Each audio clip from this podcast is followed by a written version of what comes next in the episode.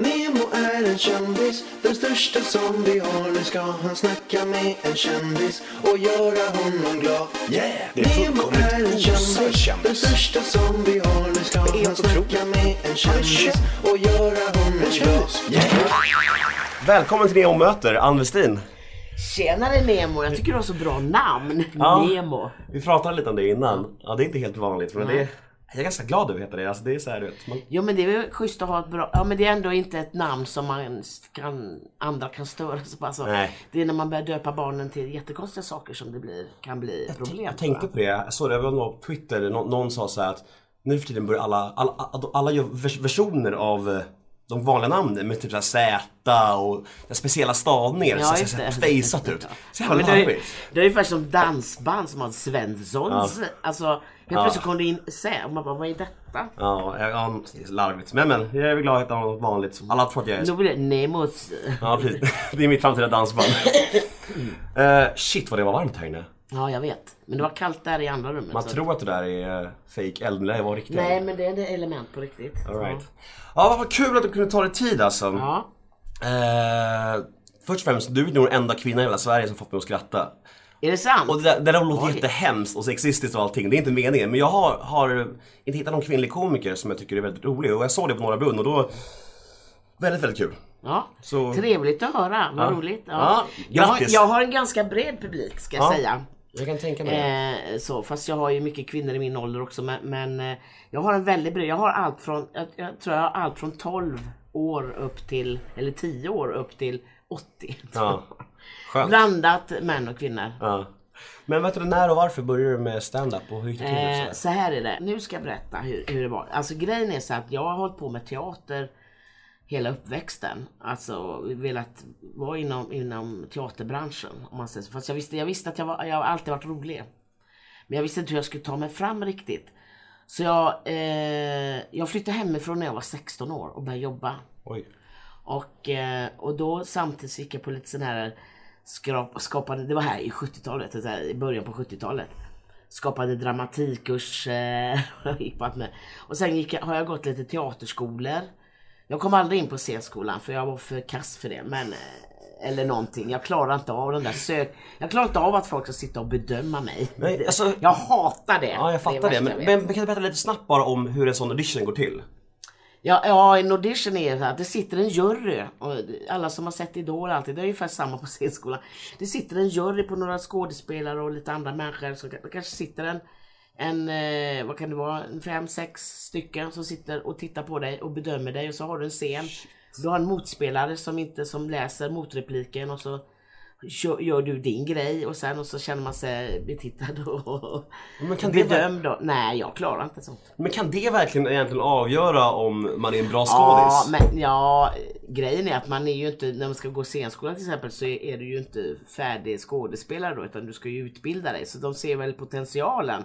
Och det, jag har hört folk som har suttit i juryn säga ja men man ser ganska snabbt vilka som... Och då fick jag säga jaha. Det, då förstod jag att man har sett ganska snabbt att nej inte hon. Men hur kändes det då? Fick du en självförtroendet en törn då? Ja det fick det. Det tror jag alla som har sökt scenskolan och inte kommit in så är man får en liten törn. Det tror jag. Man tog blir du- ratad helt enkelt. Ja. Och så visste jag inte hur jag skulle ta mig fram och sen jobbar jag ändå med fria grupper. Jag fortsatte med teatern i alla fall. Har jobbat på olika sätt. Jag har jobbat med barnteater, jag har jobbat i fria grupper eh, på 80-talet i, Stockholm. Och eh, Men sen så och så har jag jobbat som undersköterska bredvid alltid. Jag är ju mentalskötare från början och sen så jobbar jag som undersköterska. Och sen så kände jag bara, så fick jag barn så kände jag, nej jag kan inte hålla på så här för att det var ingen lön och publiken kom inte och då kände man, nej nu lägger jag ner det här. Så då jobbade jag bara som undersköterska en period. Och sen så eh, har jag kompisar som jobbar i teatervärlden och så var det, har jag en kompis som är regissör och hon sa så här till mig. Och då hade precis eh, det här Släng dig i brunnen och stand-upet kommit till Sverige. Och då sa hon så här till mig. Ah, du skulle ju söka, det finns kurs på Dramatiska institutet. Som man kan gå ett par veckor. Där man får veta hur man ska göra för att ta sig fram i stand-up. Och jag bara stand-up comedy, jag hade sett det på TV och bara nej. Stå där själv, vad hemskt och, och prata och, och inte spela mot någon. Och, du vet så och sen så, och hon tjatade på mig och tyckte så här, men sök det, gör det. Och jag bara, ja ja men det är ingen idé, jag kommer ändå inte in. På grund av törnen. Jag hade fått till och så här. Det är ingen idé. Så till slut sa jag, men gör det. Om du inte gör det så gör jag det åt dig. Och jag bara, nej men jag gör det. Så jag skrev ett brev hur gärna jag ville gå den där kursen. Det var det enda som krävdes va. Och sen så jobbade jag på det sjukhuset jag jobbade så var det nedskärningar. Och då skulle jag, jag har jobbat ganska många år som undersköterska men jag skulle ryka då. Så då sa jag så här, men då vill jag ha avgångsvederlag sa jag. Och då fick jag ett års avgångsvederlag. Det jag, kom, betyder, det betyder att du har betalt, betalt ett år. jag, fick, ja, jag fick lön ett år. Ja, Ja. Det är schysst. Mm, det är schysst. Och sen så fick jag, fick jag, dessutom kom jag in på kursen. Oj. Och då kände jag bara, nej men det här är ju, måste ju vara meningen. Och sen så, så kom jag till den här kursen då, då på två veckor. Och efter en vecka så kände jag bara, men jag är på helt rätt ställe. Det är sådär som man är i livet bara, man vet så här. Nu har jag hamnat på rätt ställe, det här är min grej. Och sen dess, och det här är 96 november. Jag startade var rookie 97 och sen dess har jag bara blåst på så in i, bara kört. Jag har varit helt galen i det liksom. Jag har brunnit för det så det bara så. Och sen eh, i början går det ju lite upp och ner sådär. Man är inte sådär toppbra. Men sen var jag med i lite tävlingar och sen så det gick ganska bra. gick till final och sådär. Och sen, sen började jag få priser. Fina priser. Jag fick såhär. Och eh, jag tror det var eh, Leffe, Le, vad är det här? Lasse Eriksson och eh, måste bara komma ihåg. Eh, Lasse Eriksson och Ron Eriksson hade ett pris som hette Bubbelpriset. Och det delade de ut till den mest lovande komikern under året. Och det var, då var det inte tjejer, det var liksom bland alla. Och då fick jag det. Han ringde mig Ron Eriksson. Ah, vi har bestämt att du ska få det. Och jag bara yes! Kändes det som en En revansch? ära, en ära. Ja, ja, för jag vill ju gärna, ja, det, det där bubbelpriset vill man gärna åt. Ja, jag så jag kände bara wow. Så fick jag det och då kände jag, men fan vad bra. Så fick jag det och så började folk få upp ögonen för mig. Jag hade jättemycket jobb, folk ringde hela tiden och jag skötte allting själv. Så det, jag hade fullt upp alltså. Mm. Och bara jobba på. Och sen började de här stand-up, så kom ju Stockholm live. Jag var med i sista slängda i brunnen som de spelade in. Och sen kom Stockholm live jag var med där varje termin. Alltså, och då började jag ju få snurr, ännu mer snurr liksom. Och sen så kom ju det här eh, priset då. Eh, Stockholm Comedy Clubs äh, stand-up-priset som finns idag. Då vann jag det första gången det instiftades 2000. Säger jag rätt nu? 2002 eller 2003? 2002 tror jag det var. Och sen fick jag det igen 2005 och så fick jag det nu igen 2014. Mm, jag var där. Kommer du ihåg att vi tog en selfie då? Nej. Nej. Nej, det var så uppblåst ditt ego då kanske. ja. Nej, det Nej, det var så mycket, det var så mycket snurr då. Så nej, det Men du var så snäll så jag kom fram och bara Åh jag tycker så mycket om dig för att ta en bild med dig. Jo men jag tänkte på det som du säger, det här med att att känna att man kommer till sin plats, sin rätt. Det måste vara sån sjuk lättnad. För det är det alla söker i livet. Hitta Ja, sin plats ja. liksom. Jag brukar säga så här, brukar jag säga till yngre människor så brukar jag säga så här, jag pratar ofta om det nu. Som säger så här, men man går på audition och man blir ratad och man bara så nej det är ingen som vill ha mig så lägger man ner. Och jag säger varför det? Om du vill göra en grej och du brinner för, du vill verkligen göra det, gör det ändå. Försök att hitta en annan väg att gå, gör ditt eget projekt. Jag har alltid varit sån där människa som, jag vill hitta på eget, ja men jag gör en egen egen teater och se vad finns, kan jag låna in mig på en lokal? Kan jag dra ihop lite folk så gör vi en egen grej? Alltså att hela tiden försöka, det är ingen som ska stoppa en liksom. Utan Nej. det finns möjligheter om man vill det så gör man det. Så är det. Men det fanns en tid där, du jobbade både som mentalskötare och gjorde stand-up. Ja, jag, jag jobbar som undersköterska och Ja, gjorde stand-up. Ja, Hur var det att kombinera? Jättebra. Var, var, du drog in mycket i, i, i Ja, nej, men man får, när, man, man, när man träffar eh, andra människor än bara komiker så får man ju jättemycket material. Och eh, så det tyckte jag var, då jobbar jag, jag jobbar lite, lite extra på dagen och lite på nätterna och sådär. Man sitter och tjötar och man får fram en himla massa. Mm. Och lite, nu umgås man nästan bara med ståuppkomiker och då Mm. blir det på ett annat sätt. Men jag kan sakna det ibland det där vanliga livet liksom. Ja, jag förstår.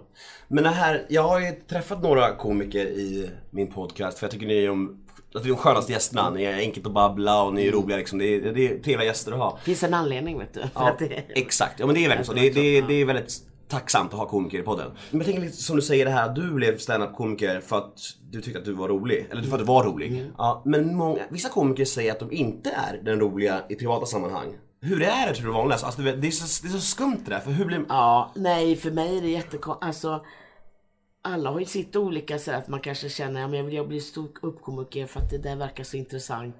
Och så har man inte den ba- alltså, Men för mig har det aldrig varit, för att jag har alltid varit Alltså få folk kul, att skratta. Ja. Ja. Jag redan i skolan på roliga timmar. Alltså jag har alltid hållit på. Jag har fått mina brorsor att skratta. Det har varit som en, du vet, det har varit mitt driv i livet.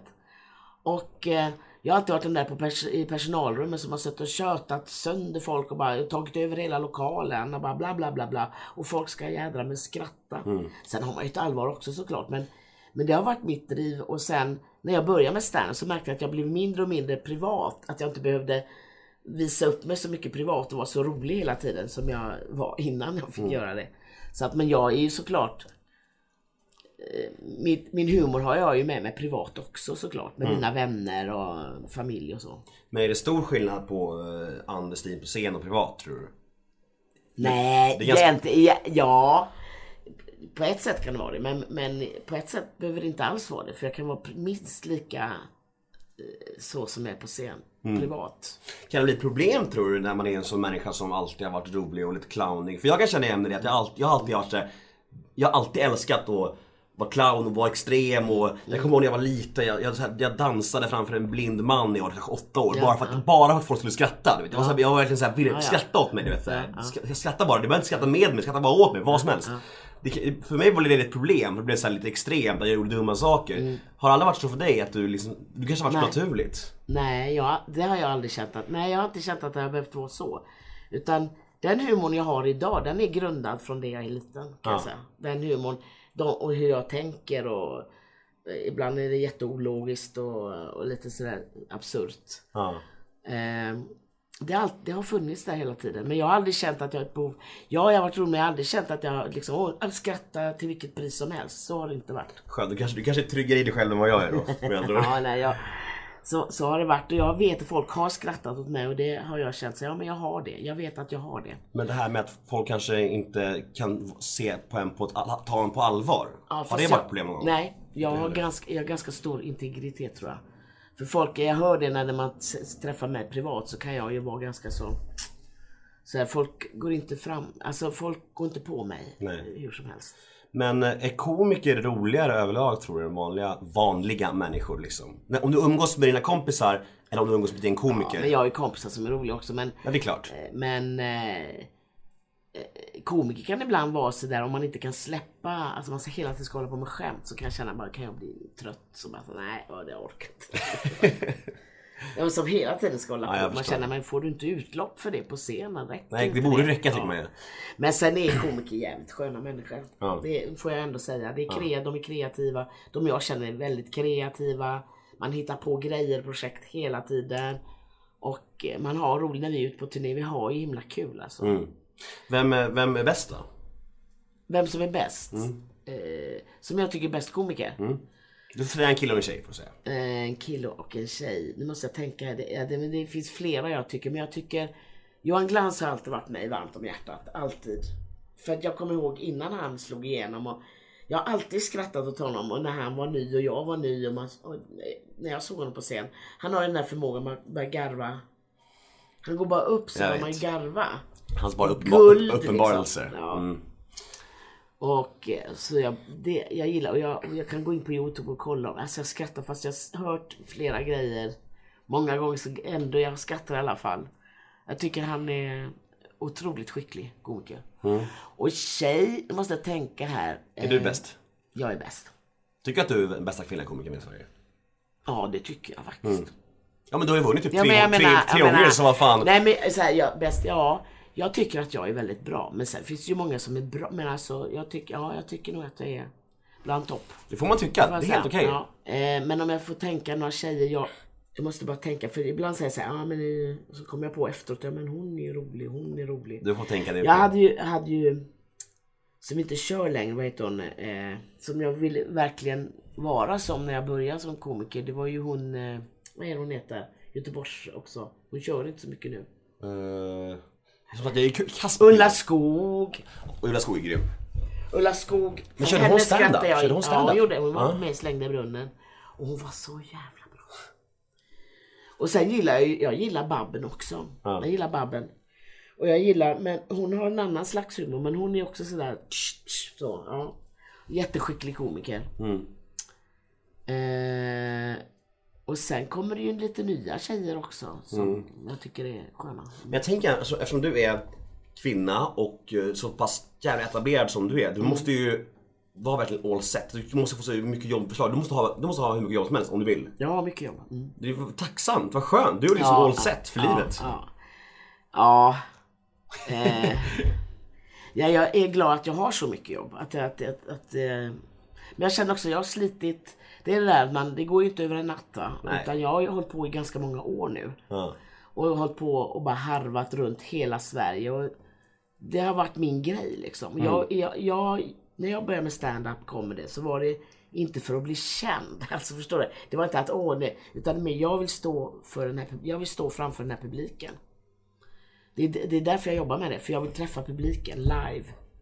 Och sen kan det behövas att man behöver synas lite ibland för PR-mässigt. För att kunna få de jobben.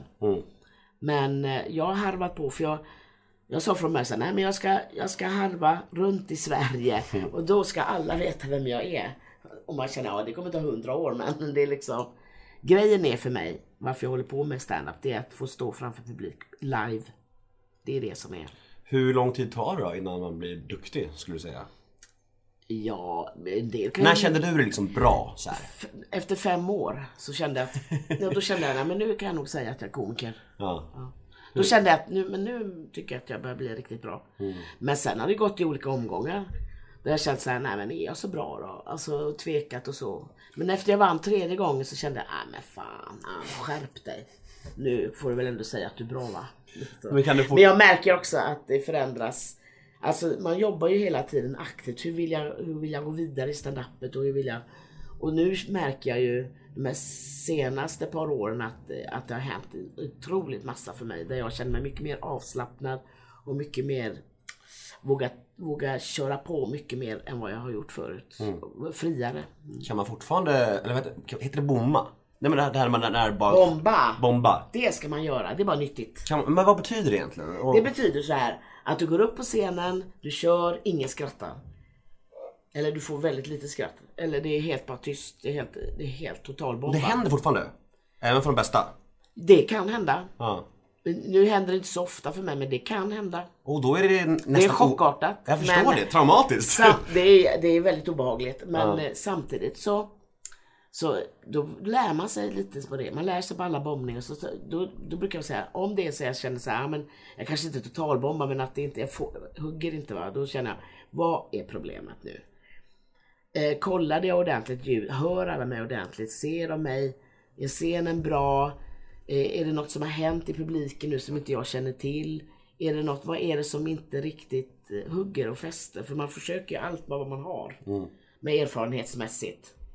Och sådär. Och det kan vara, ibland kan jag alltså möta en publik som är väldigt olika. En del skrattar åt det, en del skrattar åt det. Och då blir det så här ojämnt. Man säger, jaha nu har jag den där och de där men inte de där och de. Så att det kan bli väldigt ojämnt. Alla har inte likadan humor. liksom. Så. Sen är det också, man måste se förutsättningarna. Står folk, alltså är det ståbord, vad är det? Går folk och, är det buffé? Alltså det finns grejer som man bara känner, nej men det här är ju Man kan inte stå upp under alla förhållanden, det går inte. Nej. Men om man nu bombar, kan man fånga upp publiken igen då? Eller är det nästan kört? Om man bombar rejält menar jag. Om det går. Det beror på vad bombningen, vad, vad, varför, varför bombningen är liksom. Men Ja. Det kan vara knepigt. det kan vara knepigt att vända en publik om det är nå- hänt något. Det kan, och det är så svårt att säga vad det vara. Men det var väldigt länge sedan jag bombade så jag kan inte... Jag kommer ihåg när jag var ny så gjorde jag ett, ett gig. Jag brukar berätta om det för det var så en totalbombning. Med Lenny Norman. Och då stod jag på Norra Brunn och det var så mycket folk. Och han hade med sig massor med grabbar och ville, hade, tog jag aldrig tjejer med. Alltså. Men han hade hört talas om mig så han hade tagit med mig och jag kände åh du vet, sån press. Och jag går upp och bara är så stressad. Och kör och är ganska ny och bara pratar jättefort och allting. Och jag ser publik, jag tappar hela publiken. Det är helt tyst. Knappnål kan falla. Och jag får dem aldrig på tio, man får bara tio, kanske sju minuter. Så jag fångar ju aldrig upp dem. Och efteråt så tänkte jag, nej fy fan, nu vill jag bara dö. Nu går jag ut bakvägen och kommer aldrig mer tillbaka till standupet. Men sen släppte jag det.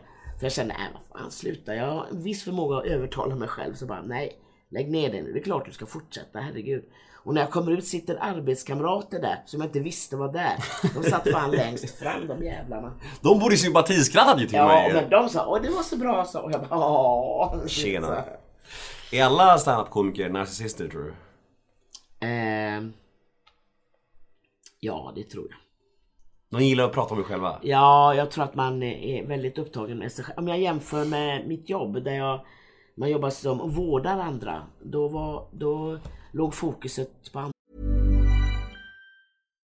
Botox Cosmetic, out of botulinum toxin A, FDA approved for over 20 years. So, talk to your specialist to see if Botox Cosmetic is right for you.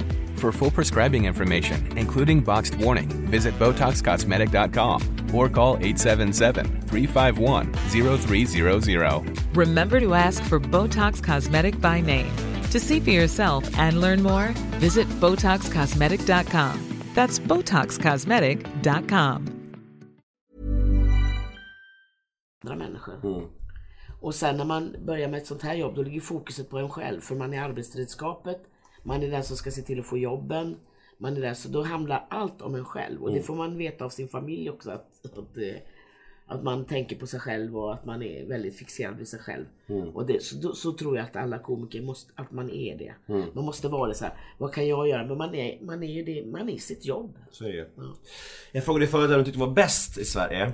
Vem tycker du är sämst då? Ja, det är svår, jag förstår att det är en svår fråga att svara på. Men om du säger så här, vem tycker du är mest överskattad? Kan du svara på det i alla fall? Eh, För det har faktiskt folk svarat på tidigare. har de det? Ja. Nu tänker du kanske, då kanske den vill jobba med mig i framtiden. Men jag kan alltså, ja men jag har ju träffat, jag har ju träffat. Någon som du inte förstår, om man lägger fram det så. Den storhet liksom. Jag har någon som jag inte förstår dess storhet. Då måste jag verkligen bara gå runt här. Kolla alla, alla, alla affischer på väggarna. Vi sitter på Roa produktion här, så därför så det är komiker överallt här. Åh, jag, nej, jag, alltså, ja, jag tror säkert, men jag kan inte komma på vem, alltså. Öss.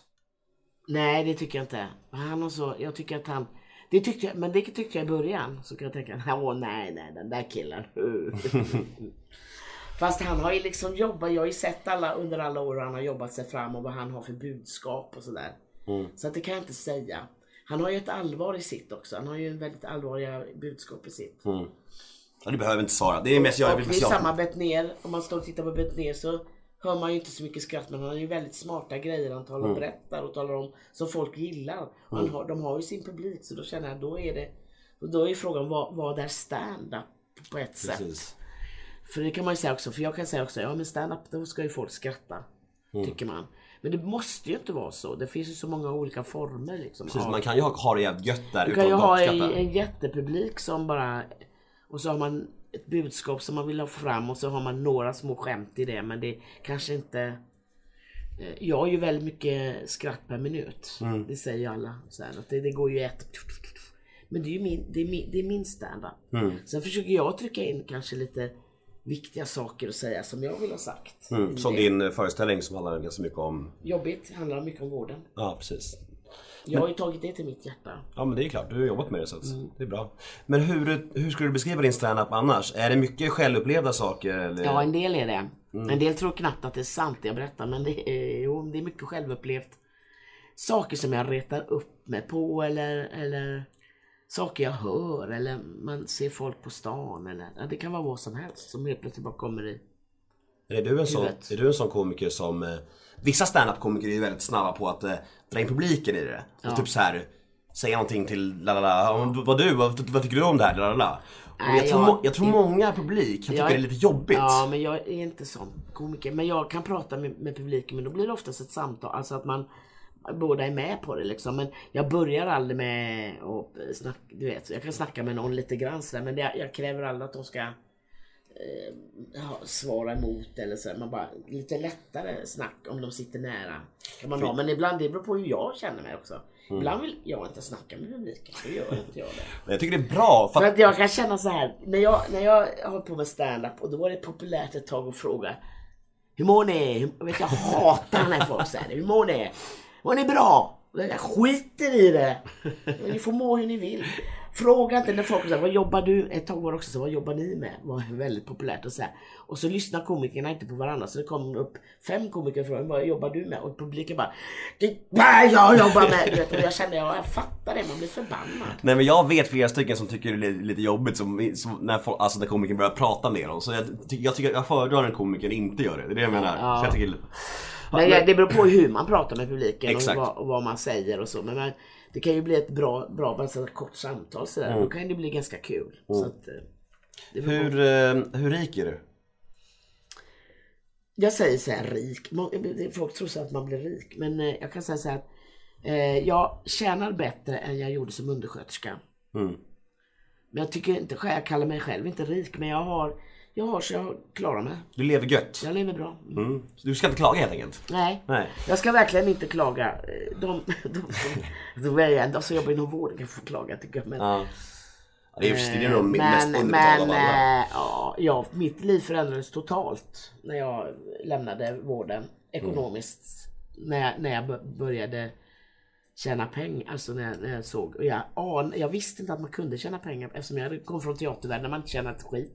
Så tänkte jag att det var samma inom ståuppvärlden. Så när de började prata gager, och då var det inte höga gager. Så sa de så här, och jag tänkte nej det där kan man inte tjäna per gång. Nej, gud vad mycket pengar. Och då var det ingenting. Nej. Och man bara så, gud, men för mig som undersköterska var det eh, kanske två dagars lön. Mm. Ja, Så, jag har ett ex som är är sjuk- sjuk- sjuksköterska och eh, ja, det, är ju, det, är ju, det är ju pinsamt Ja. hur underbetalt det är. Alltså hon jobbar ju röven av sig, Ja. nätter och allting. Hon tjänar inga pengar alls ändå. Nej, det är väldigt eh, lågt betalt. Men eh, du eh, lever ensam Ja, idag. Ja. Saknar du att ha en gubbe? nej. Inte alls. Nej, jo det gör jag. jag. Nej, jag, jag, är lite dubbel där för att jag trivs att vara själv också. Och så, läser någonstans där, men det kan man aldrig trivas med. Nej, det är klart att jag, men jag har ju vänner och jag är väldigt bra kompis med mitt ex också. Och ja, ja.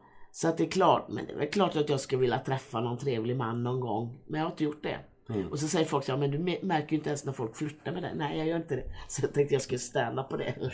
Jag kan inte ens se när folk jag märker inte av det. De får fan ha jättesignal. Flaggor och grejer. Men alltså, så Nej men jag, triv, jag, jag, är van, jag gör mycket grejer. Jag är, ganska, jag är van att vara själv. Jag har varit i många år och jag tycker att det är ganska skönt också. Det är fritt. Du har en dotter som är lika gammal som mig. Ja, hur gammal är du då? Jag är 27. Hon är 26 kanske? Hon är 26. All right. All right. Hur är du som morsa då? Jag är toppen morsa. Är du det? Kom narcissisten Nej, jag, är, ja, jag, jag tror att jag är en väldigt bra morsa. Och jag Du bäst, vara- du är bästa komikern, du är bästa morsan. Ja. Ja, fan vad jag ska fan ha skönt. pris för det också. Ja. Nej, jag tycker själv att jag är en bra mamma. Jag har varit en bra mamma. Mm. Jag har varit. När. Men jag, jag har också känt så här att när, även om jag jobbade mycket en period när hon var lite yngre. För hon var kanske, vad var hon, åtta eller någonting när jag Åtta år när jag, bör, när jag började med stand-up eller någonting sånt. Men hon har ju sett en, för, en människa som har gjort en, ett steg och förändra Alltså förändra sin livssituation liksom. Hon sa så mamma du var ganska arg. Jag var ganska arg en period när jag jobbade som undersköterska. Vet du. Det var, allting var så otroligt jobbigt. Och ekonomiskt och allting var pressande. Men eh, hon har ju sett och det är också bra att veta det att man kan, eh, man, när man vill göra någonting så är det aldrig för sent. Så att det är bara att köra på. Jo, jag tycker att jag är en ganska bra mamma. Sen kan hon ju ibland tycka att jag är... Ja, men jag får ju veta sanningen om henne också. Så att, eh, Skönt. Ja. Eller en sån relation. Alltså Ja, öppen. Nu, Jag glömde fråga en sista fråga om stand-up-grejerna. För jag hör att det är lite olika med att om man skriver sitt eget material eller om man har folk som gör åt sig. Ja. Att det finns olika. Hur, hur är du där? Jag, eh, ibland tar jag hjälp om jag har något jobb där jag känner gud här hinner inte jag med, jag ska vara konferencier och så har jag en, kom, eller en kollega som skriver manus till mig då, då. Lite grann. Men då får jag ta det och sen så får jag moderera om det till mitt eget. Ja, för det måste alltid bli mitt eget. Så då ser jag det och, så, och hon, hon känner mig väl också så hon kan skriva och sen så fixar jag till det lite grann och så blir det så att det ligger rätt hos mig liksom. Mm. Hur, vad är vanliga? Vad är vanligast dig bland de stora, alltså? Jag tror att alla, eh, köper man in så köper man och sen så får man jobba på dem lite själv. Ja. Och sen, men då får man det lite färdigt sådär så får man se. Man kan ju få en A4 som säger men allt passar inte, allt blir inte bra. Sen ska man ha in det i sin, i sin, eh, sin akt kanske. Det ska ju passa in också. Men oftast när man hittar på grejer så tänker man, ja ah, men där den grejen passar ju in precis där. Eller Mm. alltså, man pusslar ju in grejer. Jag har ju bytt akt ett par gånger, några gånger Mm. genom åren. Bara för att eh, det blir så, man blir trött på grejerna och sen så byter man ut det. Men det är så kul för man kan höra andra säga "Ah, Men den där skämtet han var ju så roligt. Jag bara fan, det har jag glömt bort. Alltså jag har ju världens bank av grejer. Ja, du har hållit på så länge så det måste finnas en jävla katalog Ja, ta. jättemycket har jag. Men eh, Minns du allt? nej. Men om, om, om jag skulle be dig köra Men jag har nedskrivet, eh, jag skriver ju aldrig ut rutiner. Jag har ju varit dålig på det, att skriva ut dem helt som Mm. manus. Så jag skriver bara så, ungefär som, förstår jag kan sk- skriva bara några ord. Ja. Och så tänker jag, ja men det är den där. Ja, Eh, right, här då. måste jag ha det i hjärnan liksom. Hur står sig svensk stand-up då tycker du jämfört med Ja, jag tror resten av världen? Jag tror att svensk stand-up står sig väldigt bra. Jag har ju hört det genom åren att det står sig väldigt bra. Det är bra Mm. Och nu är, det nästan, rock, nu är det nästan rockstjärnor har det blivit senare år känns det som. Ja. ja, det har ju varit, det har ju gått i cykler det där. För att först var det slängda brunnen och sen gick det ner lite grann. Och sen så kom eh, Stockholm Live och där, så gick det upp igen. Och, sen, och då har det hållit sig och sen upp och så har det hänt ju mer grejer som helst och sen har det hållit sig lite sådär. Och nu ligger vi väl på en topp någonstans. Är du den kvinnliga komiker som tar mest betalt i Sverige? Tror du? Nej, jag tror inte. Nej. Jag var. Det är väl grejen att jag vet Botox Cosmetic, out of botulinum toxin A, FDA approved for over 20 years. So, talk to your specialist to see if Botox Cosmetic is right for you. For full prescribing information, including boxed warning, visit BotoxCosmetic.com or call 877-351-0300. Remember to ask for Botox Cosmetic by name. To see for yourself and learn more, visit BotoxCosmetic.com. That's BotoxCosmetic.com. inte vad andra tar. Jag brukar inte fråga. Jag vet inte vad andra tar betalt. Nej. Jag vill inte veta det heller. Nej, jag vet. Det, jag, då blir jag så här bara, "Nej, varför, varför, får, varför tar han så och inte jag? Jag förstår så, det, jag förstår och det. jag känner så här, jag har, jag, har sett, jag har ett pris som jag känner att det här står jag för. om jag vill boka dig på min fest då? Får jag special Nej, price? Special jag price går då? och gör aldrig fester. Aldrig fester? Nej, nej, nej. Inga privata. Nej, jag har fått tillfrågan eh, av folk säger, "Åh, kan inte du komma? bara?" Och jag bara, nej, antingen kommer jag som gäst och så, och så har man trevligt. Men privat-Ann är ju rolig så hon kan, gästen kan ju komma- också. Va? Privat-Ann är ju Ja, rolig så ja att det... men då, det krävs inte att jag ska stå och Nej jag underhålla alla. Jag fattar. För att antingen är jag bjuden som, som gäst eller så. Nej, fest, jag gör inte fester. Inga företagsgig. Företagsgig gör jag. Mm. Men jag gör inte fester, inte privata fester.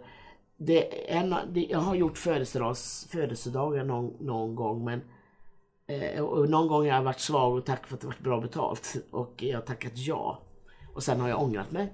Sen- Alltså födelsedagar, bröllop och sånt, det är så privat. Va? Så jag känner mig så klafsar man in där. Eh, och det krävs ganska mycket förberedelse ändå att ta reda på vilka är de här personerna. För att där sitter släkt och vänner och så kommer det in en knäppgök som jag. Och bara bla bla bla och de bara, vad är det här? Va? Varför pratar hon så om dem? Alltså, det... Jag fattar. Men vi måste ta lite allvarligare för en sekund. Eh, Jag läste att du har haft två hjärnblödningar. Eh, Kan du berätta lite snabbt vad som händer när man får hjärnblödning? Alltså hur, hur, hur märkte du det? Ja, nej, ja, men jag har aneurysm i huvudet. eh, Vad och det, betyder kan, det? är medfött, det är åderbråck på, Okej. på artären. Det kan, det kan vem som helst ha. Man kan ha det när man är 16, 15. Det finns de som dör av det pang. Så, i ungdomsålder. Men eh, jag visste inte att jag hade aneurysm. Men sen eh, eh, så stod jag på Norra Brunn 2002 var det, och på scenen och så kände jag bara hur det sprack, alltså small till i huvudet. Alltså jag kände hur det bara kraschade till liksom. Och jag fick vansinnigt ont i huvudet. Alltså det går inte att förklara den. Det är som någon skulle slå en i skallen eller jag vet inte hur jag ska förklara den Migrän smärtan. gånger hundra typ. Ja, exakt.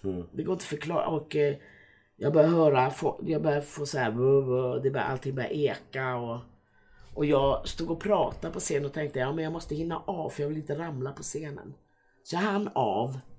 Och då stod Janne Westerlund där och, bara gjorde tummen upp. Fast jag trodde han gjorde så här att han skulle ta emot mig. För jag tänkte, fan han fattar att jag är sjuk. Men det fattade han inte så jag ramlade ihop där då. På, bakom, precis när jag kom av scenen. Och då så kände jag att jag blev lite bedövad på halva sidan. Så sa jag att jag tror jag fått en hjärnblödning sa jag då. Du visste alltså att det var jag de symptomen? Ja, jag visste att det var så. Så då sa jag, jag tror jag fått en hjärnblödning. Ta. Och då ringde de ambulans och så åkte jag in.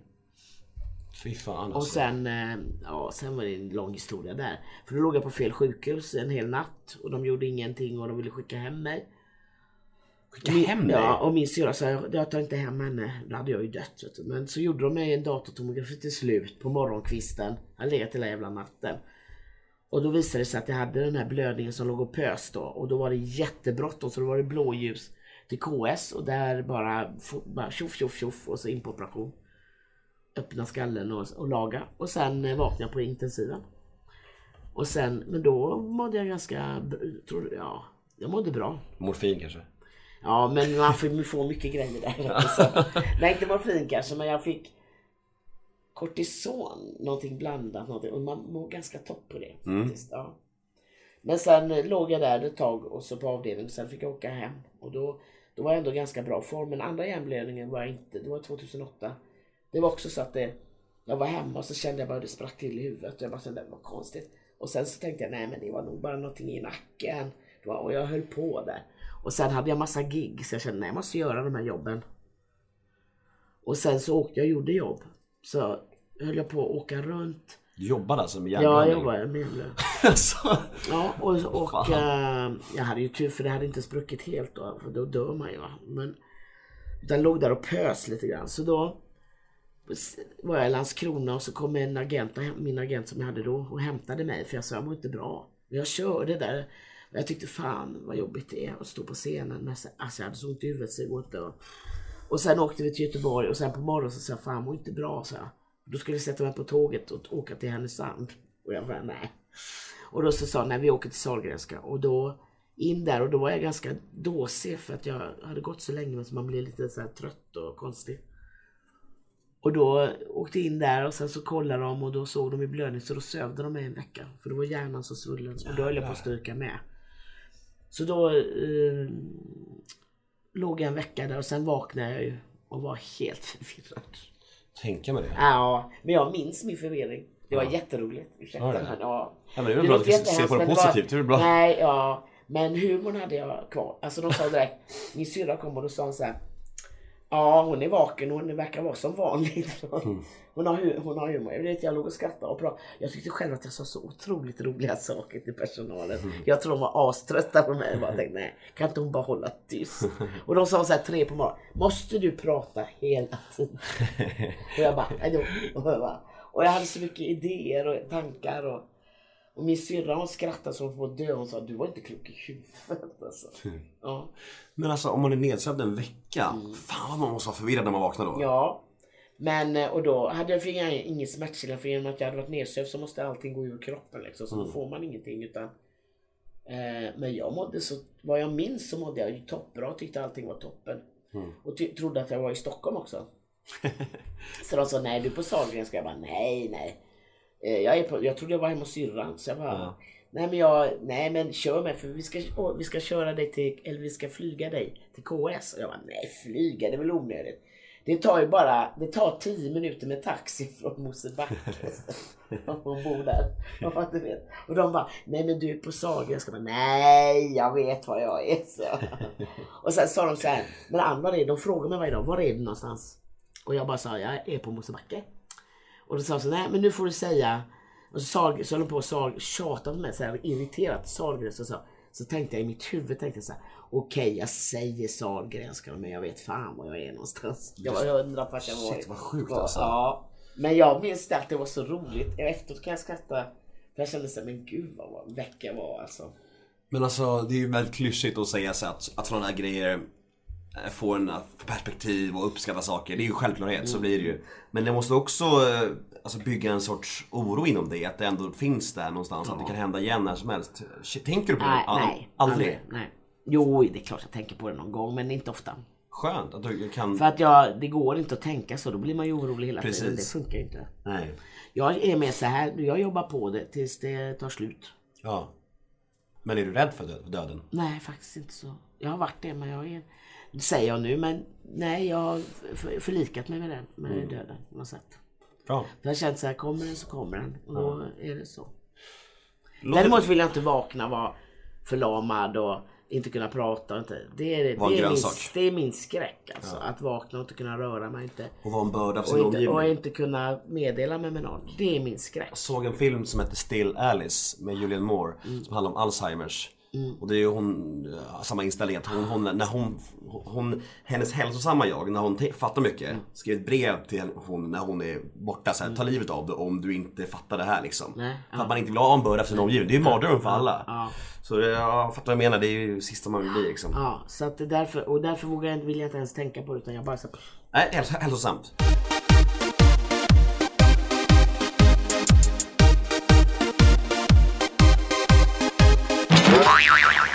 Yes, det har skett ett litet missöde här i detta avsnitt med Ann Westin. Nu eh, ungefär 39 minuter in i podden så dog min inspelningsapparaten. Den dog av dåliga batterier och jag hade ingen koll på det. Så att eh, tyvärr, tyvärr, tyvärr missar ni sista minuterna med Ann. Men ni kan glädja er med att eh, den faktiskt dog i slutet på, avsnitt, på, på episoden och inte mitt i. Det kunde lika gärna varit så att den dog mitt i. Det var jag som var klantig och inte kollade batterierna, hur bra batteri det var. När vi började spela in liksom. Så ni, ni missade några minuter men förhoppningsvis var ni nöjda med avsnittet och tyckte det var bra. Ehm, jag tackar Ann Westin supermycket för att hon var med. Ehm, hon har en hemsida, kan ni gå in och kolla om ni vill ha det på hennes sociala medier och turnéschema och allt sånt där. Det är bara att googla på Ann Westin så hittar ni henne. Jag heter Nemo Hedén på Twitter och Instagram. Hashtaggen är NEMOMÖTER. Och eh, gå in och gilla Nemo möter en vän på eh, Facebook. Vi blir större hela tiden och jag är väldigt, väldigt tacksam över att ni lyssnar och att ni kommer med feedback, kritik och allt sånt där. Och ni får jättegärna fortsätta göra det. Jag lyssnar på allting ni säger och tar in allting. Önska gärna gäster också om ni har några önskemål. Framtiden ser ljus ut. Varje måndag släpps Nemo möter en vän. Fortsätt sprida ordet, fortsätt lyssna. Tack så mycket. Puss och kram, hejdå!